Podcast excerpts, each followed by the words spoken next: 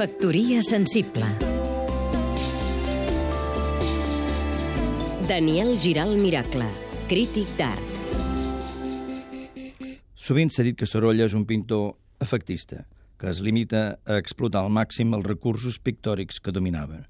Però res més lluny de la veritat, perquè davant de la seva obra constatem que el resultat del d'ella és un virtuosisme privilegiat, propi d'un pintor dels grans. I això ho podem comprovar vosaltres mateixos fins al 14 de setembre al Caixa Fòrum de Montjuïc, en l'exposició Sorolla, el color del mar, que plega grans olis, però també petits cartrons preparatoris que ens permeten descobrir la frescor, l'espontaneïtat, l'instint d'aquest artista format en el classicisme acadèmic i gran admirador dels pintors del Prado, que a finals del segle XIX decidí reinventar la seva pintura des del realisme,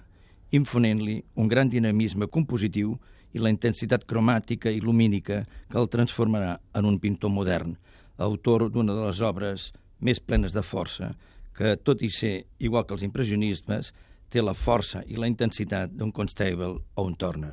Tots recordem el tractament que Sorolla va fer de la llum del sol i de la incidència d'aquesta en el paisatge, particularment en les platges amb pescadors i banyistes, i com reflectia l'esclat de les zones en els penyassegats, en unes peces que tant trobem en aquesta exposició que cal veure per confirmar que l'obra de Sorolla no és una trampa visual, sinó que és pintura de la bona. Factoria sensible Seguim-nos també a catradio.cat